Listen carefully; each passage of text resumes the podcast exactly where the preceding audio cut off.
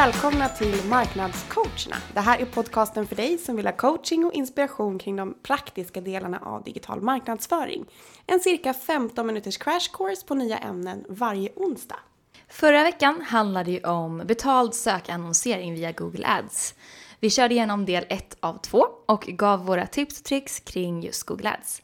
Den här veckan så fortsätter vi på ämnet och kör helt logiskt del 2. Och vi som håller i podden är som vanligt jag Josefin Och jag Sanna. och vi är digitala marknadsförare på Business Reflex.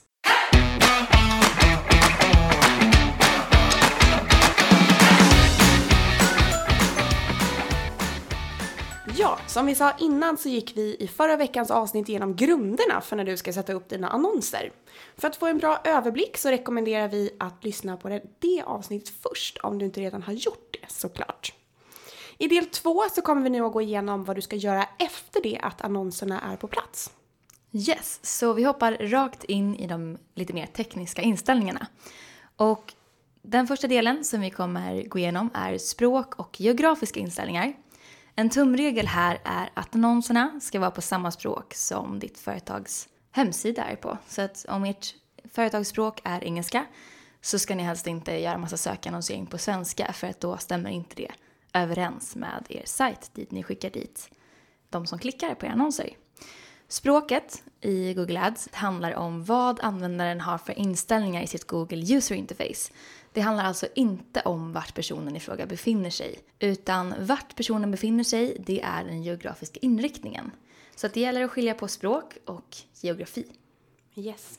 Ett exempel på det är om du vill rikta dig till en turist i Paris till exempel som då inte är fransman.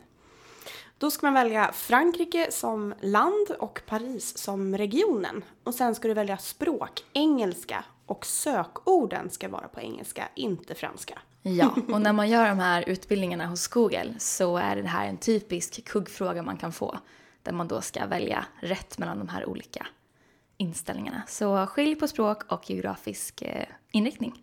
Sen handlar det väldigt mycket om schemaläggning, viktigt att ha koll på. Och här ska du se till så att de endast syns på de tider som köparna är aktiva. Och när det handlar om B2B så är det generellt sett på arbetstid. Och det här är ju främst försök och när det gäller display, det vill säga när ni har bilder som syns, så vill man också ställa in så att man inte syns för mycket. För då kan man som användare uppleva att annonserna förföljer en och spammar en. Det är ett typexempel som nu när jag köpte en, eller du satt bredvid mig häromdagen och bara Har du spanat på julstjärnor häromdagen eller? Och då hade jag ju precis köpt en julstjärna och sen kom det upp adventsstak, adventsstakar och julstjärnor i hela mitt flöde hela dagen. Det var ju ganska oskyldigt köp i. Kunde ha varit andra saker. Mm. Men ja, precis. Så schemaläggning, viktigt att synas när Precis. köparna är i rätt mode. När de är aktiva och inte så att det blir för ofta. Precis. Mm. En annan sak som eh, bör tas upp är också ad extensions som är annonstilläggen. Eh, och det är helt enkelt för att du ska kunna göra din annons mer relevant. Det låter ju som att det skulle kunna vara någonting som kostar extra. Men det är inte det. Det kostar inte extra. Exempel på ad extensions är eh, till exempel sitelinks som är eh, alltså webbplatslänkstillägg. En typisk sån där när man bara vill säga det engelska ordet för att det svenska är fem gånger så långt. Ja men precis. Men det är alltså klickbara länkar som hamnar liksom under själva annonsen. Så att om man vill klicka sig in direkt på kontakt så kan man göra det. Eller väldigt vanligt om det är, googlar man på IKEA så dyker det ju upp sovrum, Precis. mat, eh, kök. Genvägar kan man ju säga. Ja, Direkt så att man precis. kommer dit man tror att de vill komma. Ett annat exempel är call out extensions som eh, lite slarvigt kan översättas som beskrivningstillägg, tillägg till beskrivningen. Alltså USPar som du vill att köparen ska se. Det skulle kunna vara fri frakt, fri retur, prisgaranti, 30 dagars öppet köp. Olika typ- Klassiker. Ja, verkligen. Köp nu! Innan varan tar slut. Nej, det menar du kommer Det in är på väldigt, sajten. lite mer så här B2C tänker jag. Mycket Mm. e-commerce och shoppinginriktade um, sådana här call-out extensions. Det är ser i alla fall. Mm. Men de fungerar även i B2B-sammanhang. Men då kanske man inte ska vara lika säljig. Nej, precis. De här, vad ska man säga, eh, beskrivningsdelen tilläggen då är ju inte klickbara till skillnad från sitelinksen. Så det är det. egentligen um, tillägg av texten som kanske ytterligare optimerar din annons i söket. Precis. En annan typ av um, ad extension eller annonstillägg är review extensions. Och det handlar om citat helt enkelt från kunder som har submittat som en trovärdig tredjepartskälla. Så att det blir som en slags review som syns direkt i söket. Och en annan är location extensions och det visar er adress. Och det kräver att ni har ett konto på Google My Business så att den kan hämta in det. Och man kan också säga om de här, dels att de kostar inte extra och dels att man verkligen ska utnyttja de här tilläggen för att de gör annonsen mer relevant inom, eller för Google helt enkelt. Yes. Nästa puck som eh, ofta är en sån här sak som, som eh, vi får många frågor om. Och som eh, det finns många olika teorier kring skulle jag också säga. Och tekniker och metoder. Det är budgivning. När man sökannonserar så får man tänka att det är som en auktion. Där varje gång som någon söker på någonting så sker den här auktionen. Så kort beskrivet så är det relevansen för annonsen och pengarna, alltså hur högt budet är som styr om du dyker upp eller inte. Ja. Ett sätt som man kan styra budgivningen på och som vi kallar för en av de här strategierna är manual CPC, alltså cost per click. När du vill driva trafik till din webbplats och ha en maximal kontroll över buden. Precis, man vill säga att jag vill betala 10 kronor per Max. klick. Så, det är mitt bud. Så kan man styra det med hjälp av den. Precis. Sen finns det också enhanced cost per click som liknar manuella eh, cost per click. Men Google kan liksom hjälpa till att höja budet om den förväntade konverteringsgraden är låg. Så när man vill anpassa sina cost per click-bud för att maximera antalet konverteringar så är det enhanced CPC som man använder. Precis. En annan strategi som man kan välja är Target CPA och CPA står för Cost per Acquisition. Och här betalar man per klick men buden optimeras utifrån att maximera antalet konverteringar inom den här gränsen som man har satt upp. Sen kan man välja Maximize Clicks och det är precis som det låter att man vill maximera antalet klick på sin annons men man sätter ett kostnadstak så att det inte kan spåra iväg. Slutligen, en annan budgivningsstrategi är Target Search Page Location. Och den kan man använda dels antingen då om det är viktigt att hamna högst upp i sökresultatet eller om man vill optimera mot en viss annonsposition. Det kan ju vara väldigt stor skillnad i kostnad mellan att hamna nummer ett eller nummer två eller tre. Så här kan man då välja att spara lite pengar på att inte nödvändigtvis vinna och hamna på plats nummer ett. Ja precis, och det är ju inte alltid, det är ju inte viktigast att hamna på plats nummer ett. Hamnar du på plats nummer ett, två eller tre så syns du ju fortfarande på första sidan. Så då är frågan, är det värt att hamna på plats ett? Precis. Ett annat tips är att slå på auto-tagging så att den paid search-trafiken mäts rätt mot Analytics. Och det gör du under kontoinställningarna, ja eller account settings får man väl säga.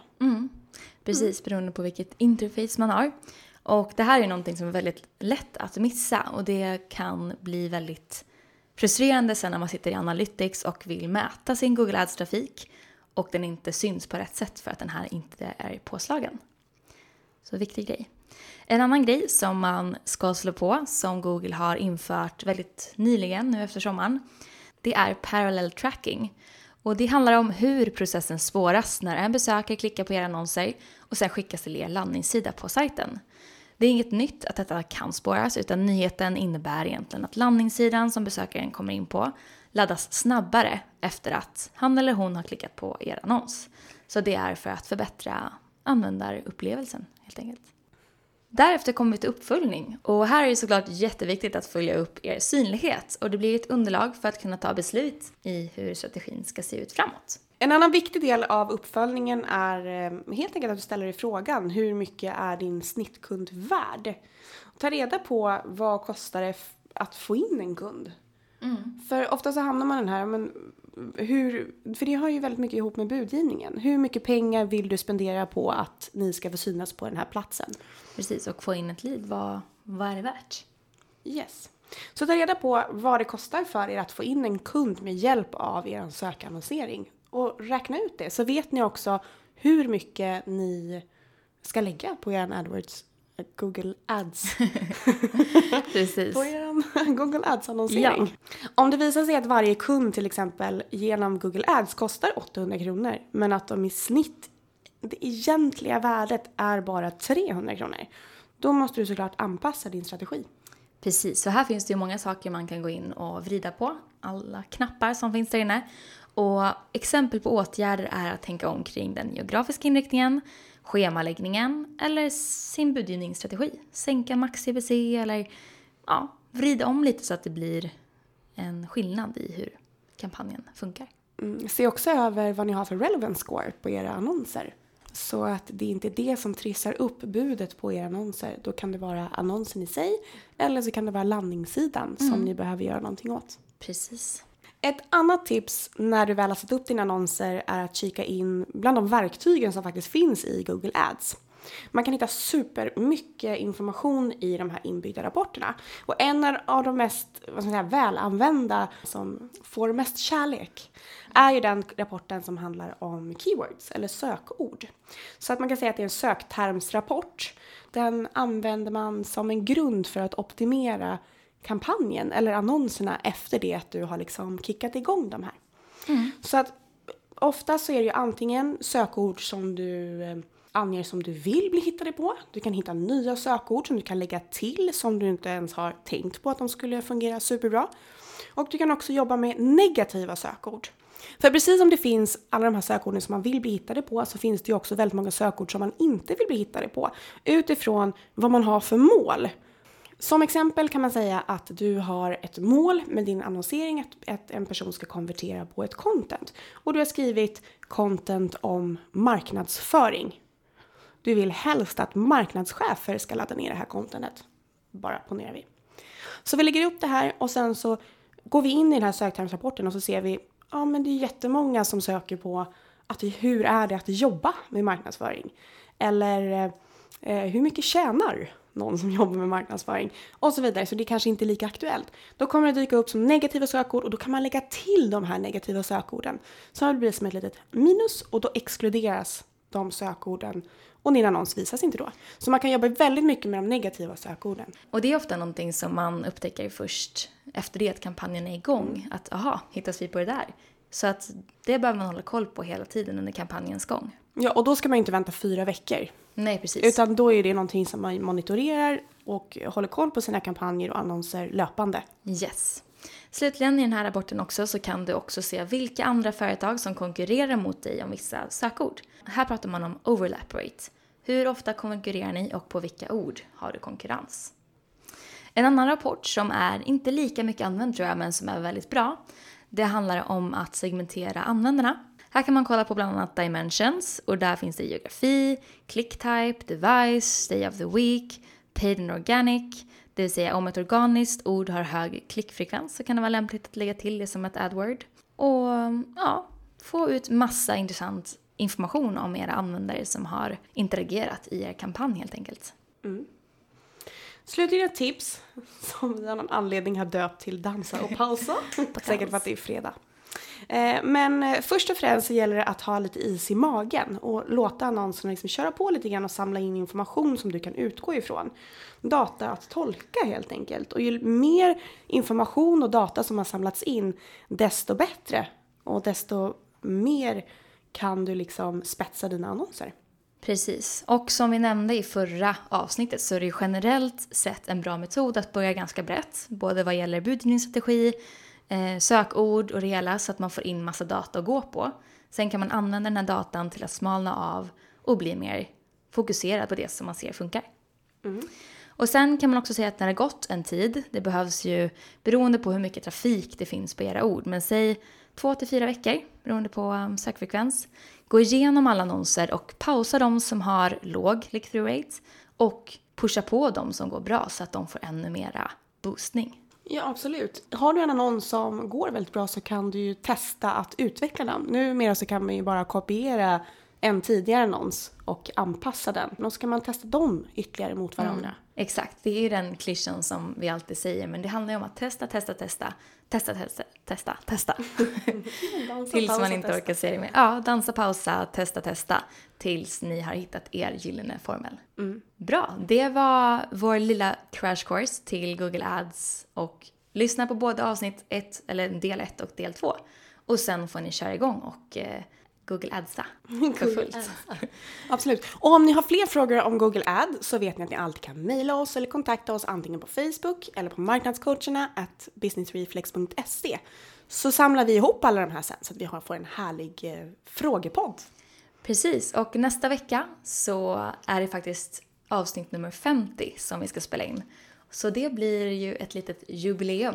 Fram tills dess, ha det toppen bra! Ha det så bra! Hej då!